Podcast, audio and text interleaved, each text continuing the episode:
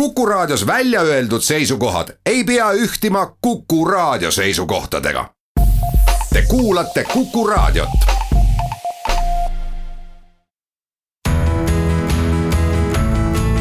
kuku Raadio nädala kommentaar.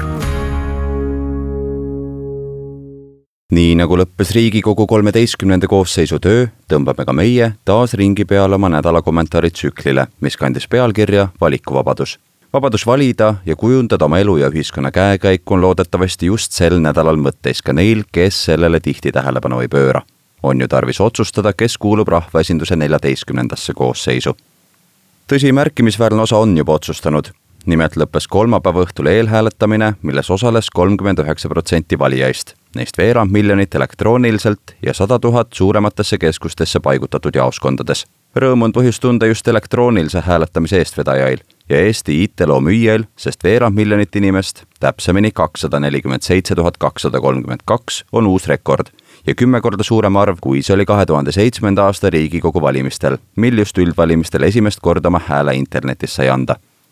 viimati, kui Eesti Riigikogu valis ehk aastal kaks tuhat viisteist, oli tänaseks päevaks andnud oma hääle kolmkümmend kolm protsenti valijaist ehk kuue võrra vähem kui sel aastal kas järeldada nüüd seda, et üldine valimisaktiivsus tõuseb või olemegi pigem harjunud oma toimetused enne valimispäeva ära tegema ja veelgi mugavam just internetis? ega päriselt ju ei tea. igatahes tulemus, mida lüüa, on kuuskümmend neli koma kaks protsenti.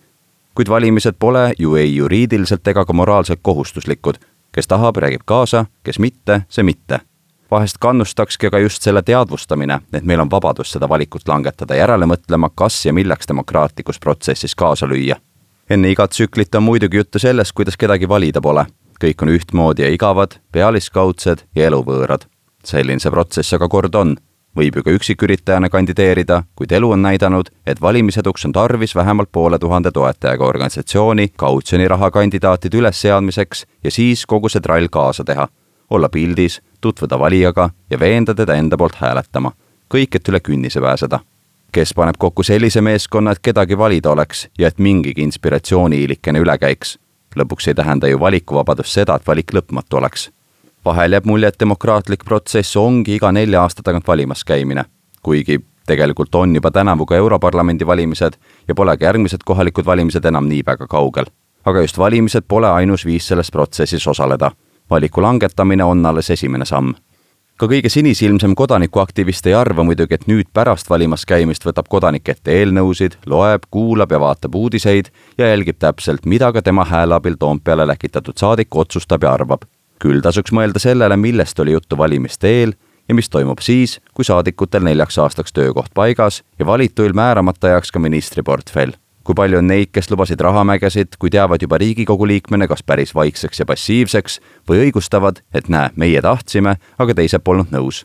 kes lubas suuri reforme, aga ei suuda neid kuidagi nüüd saja üheliikmelises kojas teoks teha.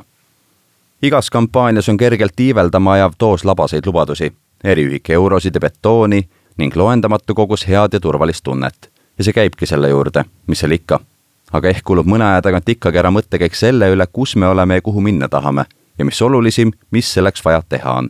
vabadus valida on sisuline just siis, kui me mõistame, mis on meie valikute tagajärg. iga inimese maailm algab temast endast ja seega on instinktiivselt meeldivad just need plaanid, mis enda elu parandavad. ja nii ongi normaalne mõelda.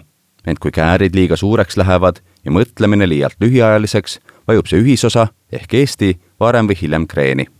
nõnda kulubki ära kerge reflektsioon, kuidas siis nüüd edasi mida on vaja selleks, et elu iga aastaga natuke rikkam oleks ja seeläbi võimaluste rohkem?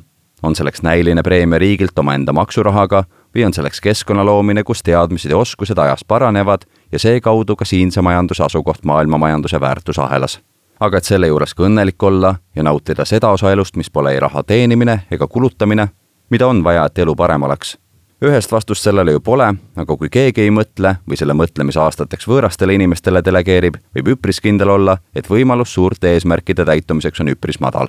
vähemasti sedaviisi, et see võimalikult suurt osa kaasaks ja neile meeldiks. Enda elu otsuseid ei saa väljast tellida.